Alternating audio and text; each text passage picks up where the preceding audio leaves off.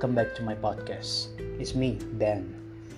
Dan seperti yang lalu-lalu, selalu saya katakan bahwa, selalu saya sampaikan bahwa podcast maupun video yang saya buat, ataupun semua konten yang saya buat adalah termasuk bagian dari My Perspective Series yang teman-teman yang kamu bisa lihat di uh, IGTV saya, di IGTV akun Rawin Paper Agency. Nah, kenapa podcast podcast ini saya masukkan ke dalam My Perspective Series.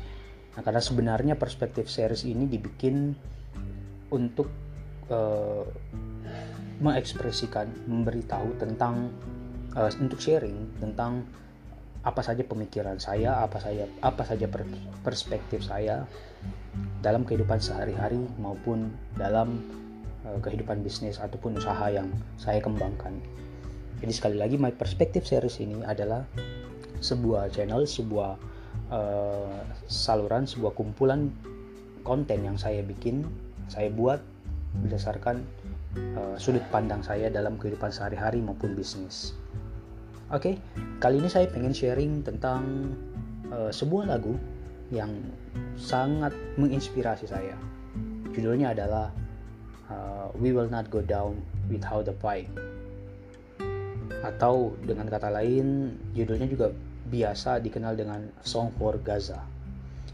Nah, We Will Not Go Down ini ditulis oleh seorang uh, singer maupun seorang um, songwriter juga.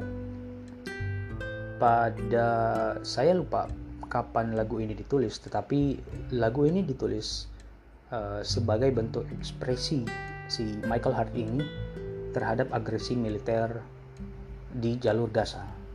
Nah tentu saya tidak akan masuk jauh sampai ke dalam sana. Saya tidak ingin uh, memasuk ke dalam sebuah pembahasan yang bukan menjadi uh, eksp uh, expertise saya. Namun yang ingin saya bagikan di sini adalah lagu ini benar-benar sangat menginspirasi saya ketika wabah corona masuk ke Indonesia dan mulai menyebar ke beberapa daerah.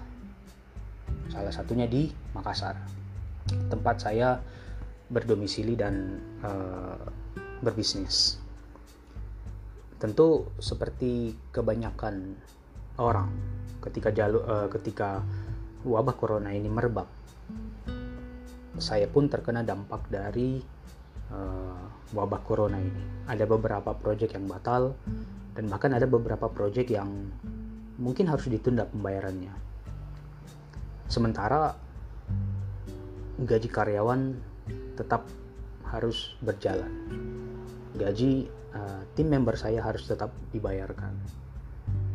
Ya tentu saya tidak perlu menyampaikan uh, bagaimana unek-unek saya, bagaimana keluh kesah saya karena ya saya tahu kita sama-sama tahu bahwa itu tidak akan pernah merubah keadaan apa pun.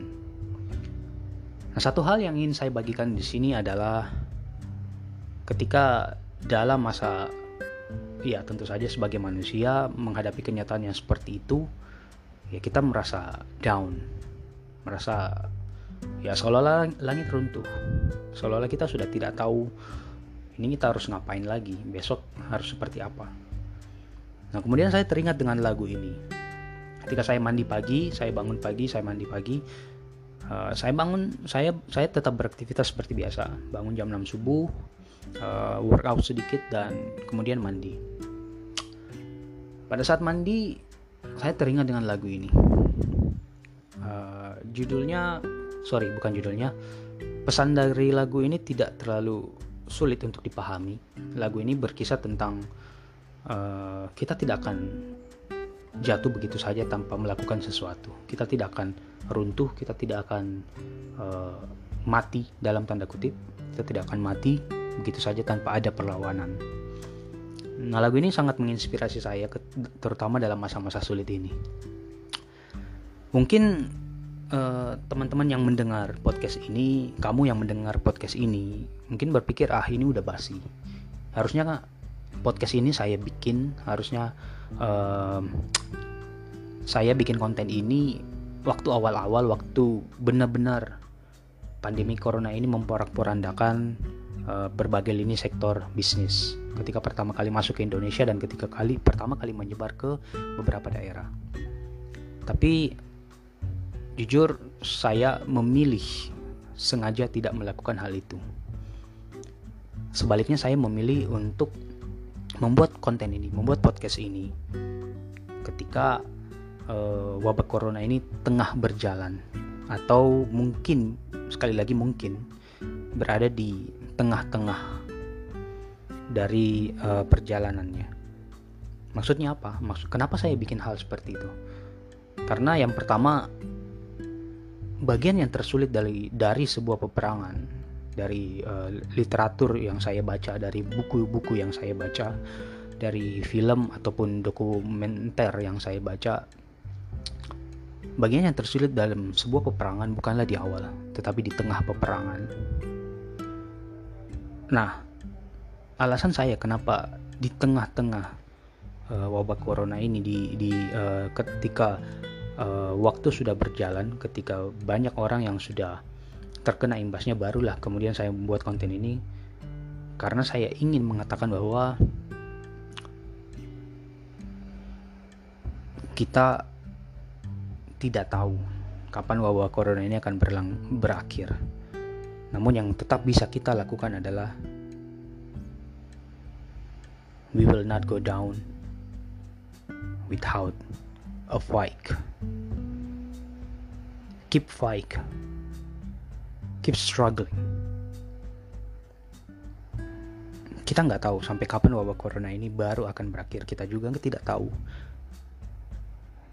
keadaan apa yang akan terjadi setelah pandemi ini berakhir. Dan kita juga tidak tahu apa yang akan terjadi di hari-hari esok di tengah wabah corona ini.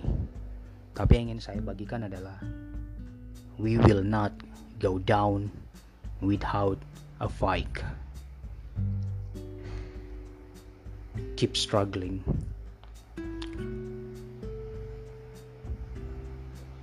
Saya ingin membagikan uh, sebuah, bukan sebuah sih. Saya ingin membagikan kisah saya. Uh, mungkin yang terdengar sepele, tetapi ya kita sama-sama tahu kondisi setiap orang berbeda dan perjuangannya pun berbeda-beda.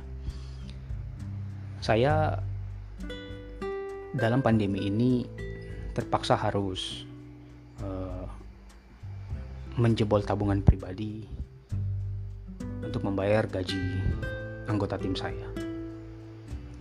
Jujur pada awal saya merasa sangat keberatan karena ya tentu saja siapa yang rela untuk menjebol tabungan pribadi untuk membayar gaji karyawan. Sedangkan pekerjaan banyak uh, sorry sedangkan proyek banyak yang terpending bahkan tertunda bahkan pembayarannya pun masih terpending belum tahu kapan bisa dibayar. Nah jujur dalam kondisi seperti itu saya merasa sangat keberatan. Tapi akhirnya saya menyadari bahwa saya punya dua pilihan di tengah pandemi ini. Pilihan pertama adalah saya memphk semua anggota tim saya. Saya merumahkan semua anggota tim saya. Anggota member tim saya yang mendukung drawing paper dari awal maupun uh, di masa-masa sulit.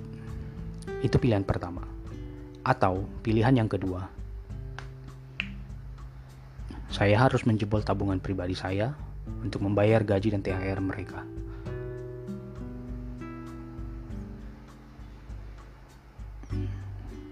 Sungguh pilihan yang sangat sulit, tetapi akhirnya saya memutuskan untuk memilih pilihan yang kedua. Saya mengambil uang pribadi saya, tabungan pribadi saya untuk membayar gaji mereka. Kenapa saya lakukan itu? Itu pertanyaannya. Kenapa saya tidak memilih pilihan yang pertama, yang di masa pandemi ini sangat umum dan sangat lumrah untuk dilakukan.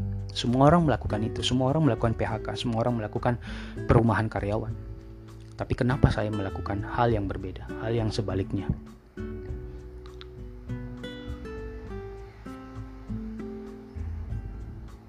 Because I am a fighter.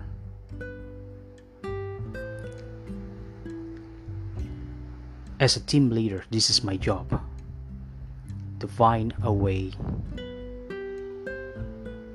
how to feeding my team member. This is my responsibility. Jadi saya ingin bagikan dua hal. Yang pertama, ini yang terakhir. Bagian yang terakhir dari podcast ini.